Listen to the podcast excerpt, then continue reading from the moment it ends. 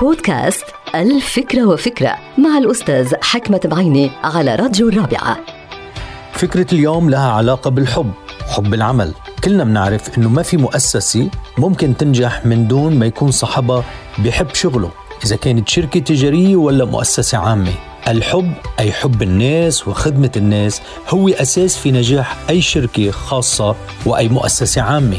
ويجب أن يرتبط هذا الحب أي حب العمل بالخير بالمحبة بمساعدة الناس. لماذا؟ لأنه إذا ارتبطوا هودي المفهومين مع بعضهم بعض كان هناك حافز دائم ومستمر للعمل.